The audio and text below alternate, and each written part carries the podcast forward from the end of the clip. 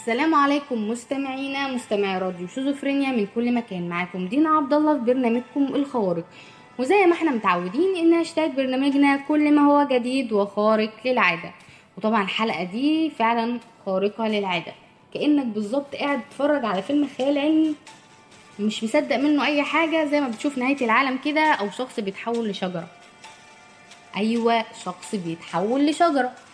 في فعلا مرض اسمه متلازمة الرجل الشجرة. فعلا زي ما انت سمعت كده متلازمة الرجل الشجرة بيبتدي الشخص بيتحول لشجرة. هتقولي نعم بيتحول لشجرة. طب إزاي؟ هو في شخص بيتحول لشجرة؟ أقول لك ده بالفعل. بتدي مرض اللي هو المرض قبل ما اتكلم لك طبعا عن الحديث المباشر أو عن تصنيف ليه المرض ده بيجي. هبتدي إن هو أقول لك أعراضه. بيبتدي تنبت زي بالظبط. شفت النبتة لما بتكون طالعة؟ طبعا هتكلم بلغة عامية شوية عشان تقدر إن هو تفهمني بدون صور بدون أي توضيحات. طبعا بيبتدي زي ما يكون بالظبط الشجرة بتنبت أو النبات بيطلع بيبتدي إنها حاجات خشنة بتطلع زي حبوب بالظبط بس على شكل شجر أو على شكل جلد شوية شبه لون الشجرة بالظبط. وابتدى النبوءات دي أو بيسموها بالظبط اسمها السقاليل طبعا أنا قلت الاسم ده من الأول ما كنتش فهمته أي حاجة. والسقاليل دي بتطلع بتبتدي تطلع طبعا على أكتر أماكن متعرضة للشمس وهي الإيد الرجل الرقبة.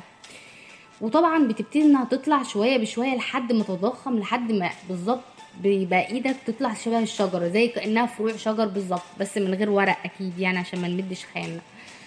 وده اللي أنا هبتدي أتكلم عنه بالتفصيل. أو مش أنا اللي هتكلم هو الدكتور علي فيصل اختصاص الأمراض الجلدية هو اللي هيتكلم عنه. طبعا أوضح أو قال إن أسباب المرض دي بتكون نادرة جدا ودي بتكون نتيجة عن طفرة جينية مرتبطة بمرض جلدي وراثي. وبسبب المرض الجلدي الوراثي ده بيؤدي إلى ارتفاع نسبة الإصابة بمخاطر سرطان الجلد. وممكن إن ينتقل المرض ده وراثيا. في العيلة بدون إن الشخص ده يظهر عليه أعراض المرض. طبعا هتقولي لا ثانية كده إزاي إن ينتقل وراثيا من غير ما شخص يظهر عليه أعراض المرض؟ وده اللي أنا هوضحه في اللي الدكتور علي برضو قاله. قال إن نتيجة الطفرة الجينية دي بيكون الجسم على الاستعداد إنه يصاب بنوع خاص من الفيروسات.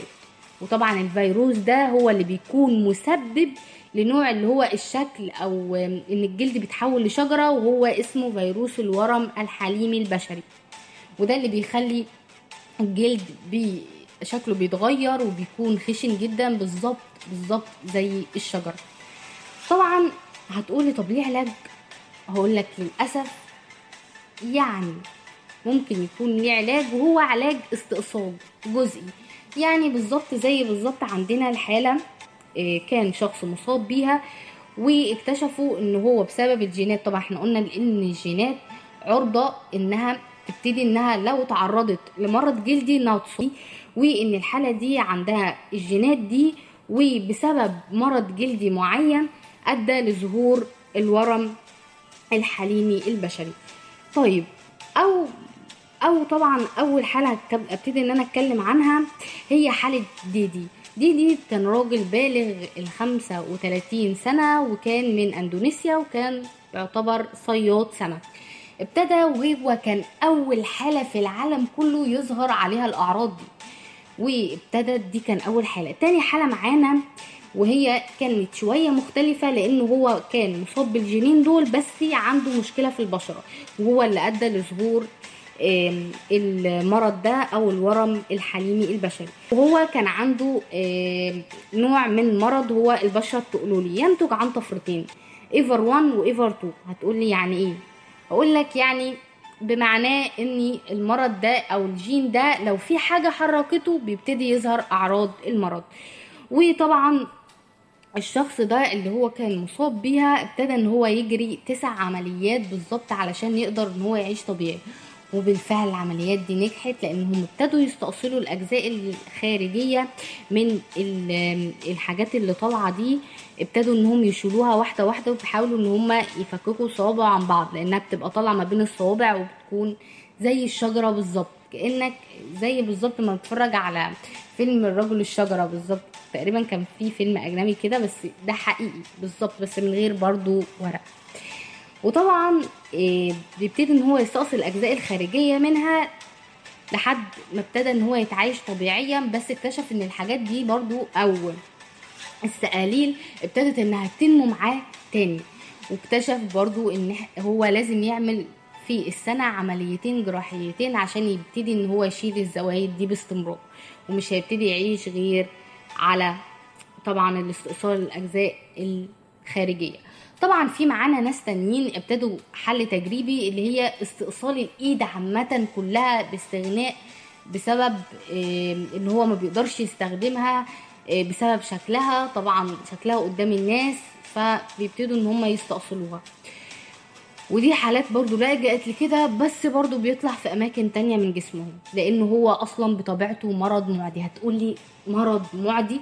أقول لك مرض معدي بس الحاجة الحلوة فيه إن المرض ده معدي بنسبة خمسة في المية بس وبينتقل بالمصافحة. يعني محدش يسلم بعد كده على زميله.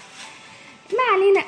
نيجي لتاني شخص وهو تالت شخص سوري وهو عمرو. وهو ابتدى إن هو ظهرت الكارثة دي عنده وهو في 2013 ابتدى هو عمرو من العراق ظهرت عنده المشكلة دي ابتدى إن هو يلف على كل دكاترة العراق ما لقاش أي حد يساعده فتوجه طبعا للأردن وبعد ما توجه للأردن ما لقاش حد يساعده اتوجه للبنان ولبنان قالت له لازم تروح تعمل جراحة تجميلية. والجراحة التجميلية هي اللي قلتها إن هم بيبتدوا إن هم يستأصلوا الأجزاء الخارجية. وبالفعل ابتدى إن هو يتوجه بس بسبب الضائقة المالية وقف لحد هنا وما قدرش إن هو يتعالج. ففعلا المرض ده على قد ما هو خارق للعادة وعلى قد ما هو غريب وعلى قد ما أنا مش مصدقة أصلا إن في مرض زي كده. ففعلا ربنا لما بيكون رايد بحاجة طبعا وده اللي قاله آه عمرو قال إن ربنا هو اللي جاب لي المرض ده أو المرض ده جالي وربنا قادر يشفيني منه. وده فعلا الكلام الأصح. طبعا هنبتدي إن إحنا نقول بيتواصل إزاي مع الناس. فهو عمرو عايش منعزل تماما حتى عن ولاده.